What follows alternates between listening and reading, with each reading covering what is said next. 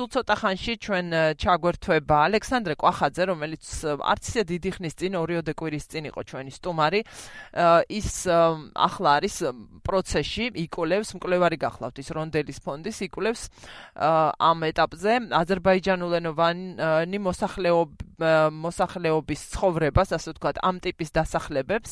და ჩვენ მაშინ ვლაპარაკობდით ახლა მარნეულის მუნიციპალიტეტის კვლევის პროცესში იყო სწორედ რომ არა ეს კორონავირუსის გავრცელება, ჩვენ გარდაბნის დასახლებებზე ვლაპარაკობდით მაშინ და ამ ლაპარაკის დროსაც მაშინ ცოტა უფრო ადრეული ეტაპი იყო რა ვირუსის გავრცელების საქართველოში. ამ ჩვენ საუბარში წამოვჭერით სწორედ ეროვნული უმცირესობებისთვის გასაგებ ენაზე, მათთვის გასაგებ ენებზე ინფორმაციის მიწოდების საკითხი, რომელიც არ იყო უზრუნველყოფილი, არ ვიცი დღეს ესე მაინც და მაინც რომ გითხრათ კონკრეტულად ტელევიზიებს ასე ინტენსიურად არ ვადევნებ ბოლო დღეებში თავს, თუმცა პირველ ეტაპზე დასაწყისში მე არ ვიცი, არ მომიკრავს თვალი სატელევიზიო კლიპებისთვის. მე მაინც ვთვლი, რომ ეს ყველაზე ისეთი უფრო ფართოდ გავრცელებადი ტიპის ინფორმაცია და საშუალება ხმოვანი და ვიზუალური ინფორმაცია, როცა ამ განმარტებებს რაც არის და რეკომენდაციებს აწვდი ადამიანებს სწორედ ამ გზით და ის კი შევნიშნე, რომ საქართველოს პრემიერ-მინისტრის გადაწყვეტილება, განცხადება, რომელიც ცნობილი გახდა, ძალიან მალე რაღაცა წუთების ფარგლებში საათიც არ იყო გასული ალბათ ნახევარი საათი მაქსიმუმ.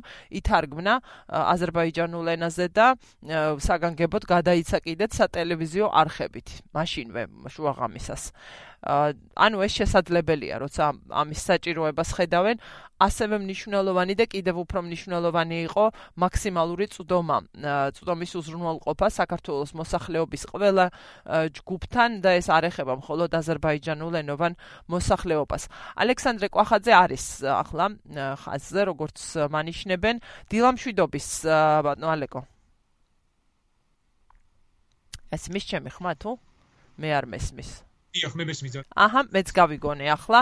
თქვენ გუშინ ჩაწერეთ აზერბაიჯანულ ენაზე და თუ თურქული იყო მე მე ხომ ვერ ვასხოვებ და გაავრცელეთ როგორც მე ვხვდები განმარტებები თუ რეკომენდაციები კორონავირუსთან დაკავშირებით. ამას მივხვდი რაღაც სიტყვები დავიჭირე და თანაც თქვენი პოსტი იყო მე გავაზიარე ეს თქვენი ვიდეო მიმართვა.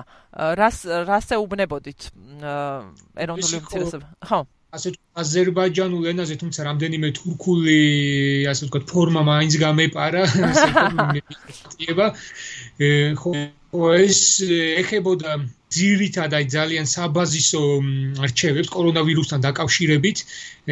ანუ ძალიან ელემენტარულ საკითხებს და აი რატო ვამბობ დღესაც აი სანამ გამოცხადდებოდა ეს მდგომარეობა ბევრი აი ძალიან არასერიოზულად დაგიქვავდა ამ დაავადებას მარნეულში. აი დაახლოებით აი ესეთი მიდგომა ქონდათ, რომ აი ხო აი იყო ღორის გრიპი, იყო ქათმის გრიპი, აი ხო არაფერი არ მომხდარა და ეგეც დაახლოებით იგივე რაღაცა იქნებაო რა. აი დაახლოებით მსგავსი მიდგომა ქონდათ და ბევრს ასეთი, მხოლოდ ანუ რაღაც მაინც მაინც მარნეულს არ ვიტყოდი. მეც მეც მომისმენია ვაკერ.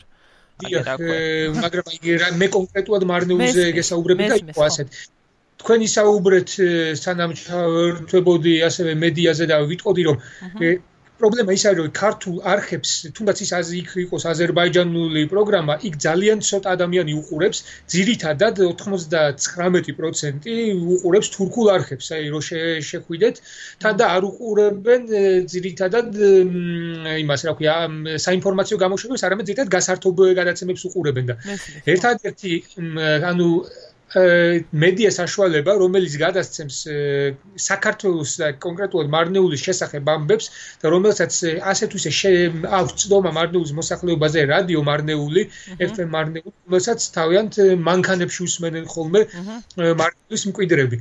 მეორეს მხრივ ძალიან ეფექტურად მუშაობს სოციალური მედია და ძალიან აი სწრაფად გავრცელდა ვიდეოები მაგალითად აი იგივე ეს მე რას ვიდეო ჩავწერე ეს იყო ჯგუფ სალამის გამოწვევა მე ეს გამოწვევა ასე ვთქვათ მივიღე და ჩავწერე მსგავსი შინაარსის ვიდეო და ასევე მოუწოდე სხვა აზერბაიჯანელებს ჩემს ამ მეგობარს რომ იგივე განეხორციელებინათ პრობლემა არის ასევე ადგილზე მოსახლეობასთან კომუნიკაცია და კიდე ერთხელ გამოჩნდა ის არაეფექტური მექანიზმი, რასაც რაც არის სოფლის წმუნებულებთან დაკავშირებით.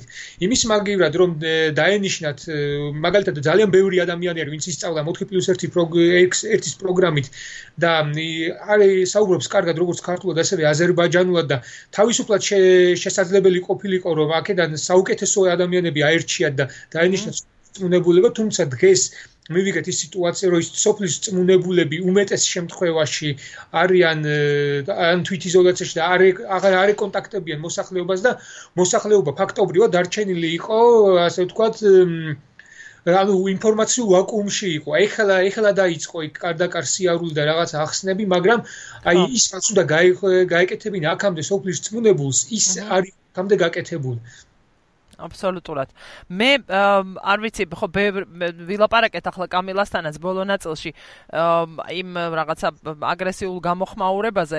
მე პირადად ძნელად წარმომიდგენია პრაქტიკულად არ მჯერა რომ ადამიანს ქონოდა სრულფასოვანი ინფორმაცია კორონავირუსის COVID-19-ის შესახებ, მის სიმპტომებზე, რისკებზე, თქვათ მისი განვითარების სტადიებზე და ასე შემდეგ. რა ინფორმაციაც მაგალითად გვაქვს, ვისაც ქართული ენა გვესმის და ქართულ ენაზე ვლაპარაკობთ, ინტენსიურად რა ინფორმაციაც მოგდის, ძალიან მეეჭვება ეს ინფორმაცია ქონოდა იმ კონკრეტულ მოქალაქეს ქალს გულისხმობ, რომლის ირგულივაც ახლა არის, ესე ვთქვათ, ტრიალებს მთელი ეს ამბავი და მიმდინარეობს მოკოლება და რომლის მდგომარეობაც უკვე ვთქვათ, როცა მან მიმართა სამედიცინო სისტემა იმას იყო რთული და მძიმე, რომ მას ეს გაერისკა და მას თავის დროზე არ მიემართა მაგალითად ექიმისთვის. მე არ მჯერ ამის და მეც მგონია რომ მას არ ქონდა ინფორმაცია. დიახ, მეც ასე მგონია და ბევრს ანუ არ აქვს ინფორმაცია. ძალიან ბევრი ასე ასე თქვათ, ჩემი ერთი მეგობარი აზერბაიჯან ეთნიკური აზერბაიჯანი რომელიც დღეს თბილისის ერთ-ერთ ცენტრალურ კლინიკაში მუშაობს და რომელმაც ისწავლა 4+1-ის პროგრამით. დადო სპეციალური პოსტი სადაც დაწერა იმ მითების შესახებ რაც არის ამ კორონავირუსზე რაც ვრცელდება აი ამ რეგიონებში ხო? ეგ მაგალითად ეს იგივე რაღაც უბრალო გრიპი არის. მეორე ეს არის რაღაცა შეთქმულების თეორია და რაღაცა შექმნილი მასონების და რაღაცების მაგრამ ბევრი მომისმენია კი მე ასეთები ხო? ასეთი რაღაცა ვრცელდება ბუნებრივია ხო? ცირკულირებს იქ და აი სწორედ არ მოხდა ეს ეფექტური თავის დროზე აი ამ ამ ხალხის ინფორმირება ამ ვირუსის ჰიპათიანობის შესახებ და თავდაცვის ზომების მიღების შესახებ. ა თქვენი აზრით რა რა უნდა გაკეთდეს? მე მესმის თქვენ ახლა კომუნიკაციების სპეციალისტი არ ხართ მაგრამ თქვენი წვლილი კი შეგაქვთ. ძალიან დიდია ამ წუთას ამ საქმეში. მე რა იქნებოდა თქვენი რეკომენდაცია ხელისუფლებისადმი ამ პერიოდში? სწორედ ინფორმირების კუთხით. ინფორმირების კუთხით პირველ რიგში აქ ან ჩვენ ვხედავთ რომ ნებისმიერ მედია საშუალების ონლაინ გვერდ გვერდზე სადაც იდება ვიდეო მარნეულის შესახებ მოყვება ხოლმე ქსენოფობიური და აგრესიული კომენტარების ნიაღვარი და ძალიან ბევრია მათ შორის ასე ვთქვათ ტროლები რომლებიც ასე ვთქვათ აუცელებენ აი ამ ამგვარ შუღლს პირველ რიგში რაც ანუ არ შეიძლება უშუალოდ ეპიდემიოლოგიურ საკითხს და აი მსგავს საკითხს მე აუცილებელია ინფორმირება საზოგადოების ფართო მასების იმის შესახებ რომ ამ ვირუსმა არც ის არც ეროვნება არც ის არც რელიგია და არც ის არც რასა და ეხება თანაბრად ყველას და ეს არ არის ასე ვთქვათ მათ აზერბაიჯანელებმა შემოიტანეს და გაგვწირეს და აი დაახლოებით მსგავსი სახის კომენტარები იწერება და აი ამის შესამის კონტრ პროპაგანდა აუცილებელი არის და აუცილებელი არის არა მარტო სახელმწიფო და ხელისუფლების მომხრე არხებმა, არამედ ყველა მედიამ რომ ჩაერთოს მსგავს კამპანიაში და გაახარწყლოს ის მითები, რაც არსებობს აი ამის შესახებ. რაც შეეხება უშუალოდ ზონას, მარნეული ზონას, მე ნუ გარკვეული შეკითხვები მქონდა, მაგალითად აი მე დღემდე არ ვიცი რა ხდება დმანისის მუნიციპალიტეტთან დაკავშირებით, იმიტომ რომ დმანისის მუნიციპალიტეტი მართალი არ შედის საკარანტინო ზონაში, მაგრამ ფაქტობრივად თბილისიდან ვერ მოხვდები დმანისში თუ არ გაიარე ბოლნისი და მარნეული. და ზოგადად შიდა მობილობა ქვემო ქართლში არის ძალიან დიდი, იმიტომ რომ მარნეული არის თუ კი რუსთავი არის პოლიტიკური ცენტრი, ასე ვთქვათ, ქვემო ქართლის და იქ მდებარეობს ადმინისტრაცია და ასე შემდეგ, ეკონომიკური ცენტრი არის მარნეულე, განსაკუთრებით მარნეულის ბაზრობა, იმიტომ რომ არა მხოლოდ მარნეული, მაგალითად ბოლნისელს, დმანისელს, წალკელს, თეთრი წყაროელს, რომ რაღაცის კოდელს, თელეთელს რაღაცის ყიდვა რო უნდა, ის პირველ რიგში მოდის მარნეულის ბაზრობაზე და იქიდან ყიდულობს კუთებს. აი ეს რამდენად კონტროლდება და პირველ რიგში ეს მობილობა დროებით უნდა რაღაცნაირად გაჩერდეს. ასევე ჩემი აზრით განსაკუთრებული ყურადღება უნდა მიექცეს ბონისის მუნიციპალიტეტში კაზერეთში მდებარე ასე ვთქვა RMG Gold-ის ობიექტებს, სადაც უამრავი ადგილობრივი კაზერეთის და მიმდებარე სოფლის მაცხოვრებლები არიან დასაქმებული და ფაქტობრივად ბიუჯეტში ერთ-ერთი ყველაზე დიდი შემომტანი არის აი სწორედ აი ოგრესამპოებითი დარგი და ეკონომიკის ერთ-ერთი მთავარი დარგია და აი მანდ უნდა მიექცეს ყურადღება ასე ძალიან დიდი რომ იქ არ გაჩნდეს კერები, იმიტომ რომ იქ მე არ არ მაქვს ინფორმაცია შეწყდა სამუშაოები თუ არ შეწყდა სამუშაოები, მაგრამ იქ ყველანაირად უნდა ეცადოთ რომ მოხდეს ამის განვითარების პრევენცია. და გარდა ამისა, ახლა რამდენიმე ფაქტობრივად უახლოეს კვირეებში, როდესაც მაღალმთიან რეგიონებში გულისხმობ წალკას ნინოწმინდა სახალხალაკს უკვე გადნება თული და დაიწყება ასე ვთქვათ მეცხვარეობის და მომთაბარეობის სეზონი და ასე ვთქვათ იალაღებზე სეზონის გადარეკვის სეზონი ესეც შესაძლებელია რომ იქ გახდეს ეპიდემიის გავრცელების ერთ-ერთი წყარო იმიტომ რომ ძალიან ბევრია ანუ მაგრამ მაგრამ ამას ხომ რაღაც რაღაცები არის რასაც ვერ ვერ აუკრძალავ ხომ? ანუ ყველაფერს ვერ აუკრძალავ ადამე დიახ ესე იგი ნახეთ რა ხდება. აი სოფლის მიწათ მოქმედებაზე განმარტება ანუ გასაგები იყო რომ ნებისმიერი სოფლის მეურნეობის სამუშაოები ჩატარდება სამინისტროს ჯანდაცვის სამინისტროს მეთვალყურეობის ქვეშ, მაგრამ რამდენად ეხება ეს არაფერი არ იყო თქმული იმის შესახებ მეცხვარეობის მეცხოველეობის და აი საქონლის გადარეკვა გადმორეკვის შესახებ, აი მანდ როგორ იქნება ეს ყველაფერი გაკონტროლებული. ხო, არ ვიცი, უბრალოდ უნდა მიწვდნენ ინფორმაციულად ყველას, ახლა იგივე მე ვერ წარმომიდგენია ყველა ვინც მიწასამუშავებს, ყველას ვინ ვიღაც დაადგეს თავზე და უთხრას რომ თქვათ, აქაც ზოგადი პრინციპები მუშაობს, ხომ? ზოგადი პრინციპები თვითონ ადამიანებს შორის დისტანცირების და ჰიგიენის, ხელების ჰიგიენის.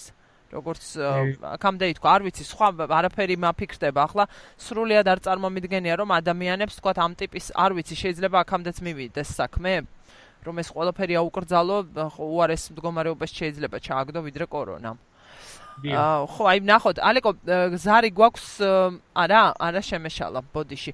ხო, აი ხა გავრცელდა ინფორმაცია ცოტა დაზუსტებული ახალი ხუთი დადასტურებული შემთხვევის შესახებ, როგორც ინფექციური საავადმყოფოს სამედიცინო დირექტორს ქალბატონ მარინა ეზუკბაიას განუცხადებია, ეს ხუთი ახალი პაციენტი ეგრეთ წოდებული ამერიკის კლასტერიდან არისო, ჩამოსულები იყვნენ და თვითიზოლაციაში იმყოფებოდნენ. სხვადასხვა დროს იყვნენ ჩამოსულები. 16 პაციენტს ჩაუტარდა გუშინ ტესტირება და 16-დან 5-ზე არის დადასტურებული პასუხი რომლებიც უკვე არიან ცენტრში და კურნალობენ კურნალობას გადიან. ხო დიახ რაღაცის თქმა გსურდათ არა, არა, მე გისმენდით და? ხომ. ხმა მომესმა, ესე იგი, რა არის ის ჩვენ ახლა ლაპარაკობთ რეგიონებზე, სადაც გამოცხადდა მკაცრი каранტინის რეჟიმი, უი დრო ამოგვეწურა ამასობაში. სხვა რაც შეეხება სხვა რეგიონებს, სადაც შეიძლება ენობრივი ბარიერიც არ იყოს, მაგრამ იყოს პრობლემები. როგორ წარმოგიდგენიათ კომუნიკაცია მათთან?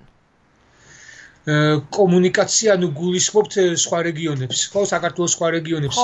აი თქვა ადგილობრივი ხელისუფლება ახსენეთ თქვენ ამ შემთხვევაში, ხო? აუცილებელი ადგილობრივი როგორც ცენტრალური, რა თქმა უნდა, ცენტრალური მედით რაც გადაიცემა, ეს არის სასიცოცხლო და აუცილებელი, მაგრამ ამ როდესაც კონკრეტულ რეგიონს ეხება საქმე, მაგ სასიცოცხლო მნიშვნელობა აქვს თუ ადგილობრივი ხელისუფლება როგორ იურთიერთო როგორ ურთიერთობას დაამყარებს მოსახლეობასთან და როგორ იმუშავებს. და ასე არა მხოლოდ ხელისუფლებას ეხება და მარნეულის შესახებ მინდა განვაცხადო რომ ძალიან დიდი დადებითი როლი შეასრულა ადგილობრივმა მუსლიმურმა თემმა ანუ შიიტმა სასულიერო პირებმა. ჯერ კიდე სადამ წითელ ზონაში და საკარანტინო ზონაში მოექცეოდა მარნეული პირველად ასე ვთქვათ განსაბჭოების შემდეგ დროებით შეწყვიტეს კოლექტიური საპარასკევო ლოცვა და უწოდეს მრევლს რათა ილოცონ სახში და მოუწოდეს რომ არ შეიგჯგუფროთ არ შეიკრიბონ მეჩეთში. ძალიან მნიშვნელოვანი გადაწყვეტილება კი ასევე ძალიან დადებითად მინდა გამოხმაურო მარნეულის და ხუჯაბის ეპარქიის მღვდელმთავარს მეუფე გიორგი ჯამდელიანს რომელმაც ასევე განაცხადა რომ ჩვენ ვილოცებთ ეკლესიაში მაგრამ ხალხმა ილოცოს სახლებში რაც ასევე ძალიან მნიშვნელოვანი არის იმედი მაქვს რომ ბოულნისის ეპარქიაც ანალოგიურ გადაწყვეტილებას მიიღებს და აი ანუ ასე ვთქვათ არას ფორმალური ლიდერების და ასე ვთქვათ რელიგიური და სხვა საზოგადოებრივი ლიდერების ჩართულობაც ძალიან მნიშვნელოვანია კონკრეტულ რეგიონებში აი ამ სენთან ბრძოლის საკითხებში ძალიან დიდი მადლობა უნდა გითხრა დრო ამოგვეწურა და გადავცდით ცოტა. პასაყვედურს მეტყვიან ალბათ ან არ მეტყვიან ამ პერიოდში მაინც. ძალიან დიდი მადლობა. ალექსანდრე კვახაძე გვერდთვებოდა რონდელის ფონდის მკვლევარი. და თქვენ უსმენთ დილის საუბრებს ნინო გელაშვილი უძღვებოდი გადაცემას გემშვიდობებით ხვალამდე. ლაპარაკობს რადიო თავისუფლება